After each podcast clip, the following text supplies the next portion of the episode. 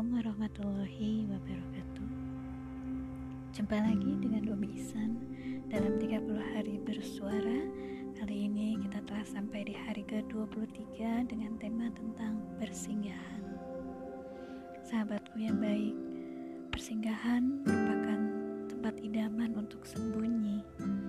Kala resah selimuti diri, telaga tenang meredam segalanya.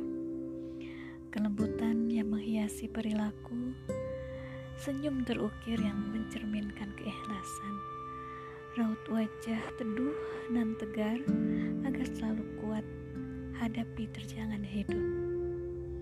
Tangan renta yang menegadahkan lantunan doa bagi putra-putrinya. Kini persenggahan tak lagi ada. Takdir telah memisahkan alam purna tugas dunia melanjutkan perjalanan ke berikutnya.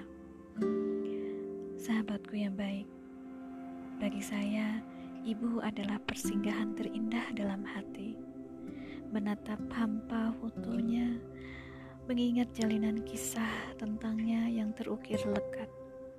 Ibulah pelita hidupku, teriring doa yang selalu menyertai. Semoga Allah mengampuni kesalahannya dan memberi tempat yang terbaik di sisinya. Rabbi firli wali walidaya warhamhuma kama rabbayani saghira. Amin amin ya rabbal alamin. Terima kasih bila itu Assalamualaikum warahmatullahi wabarakatuh.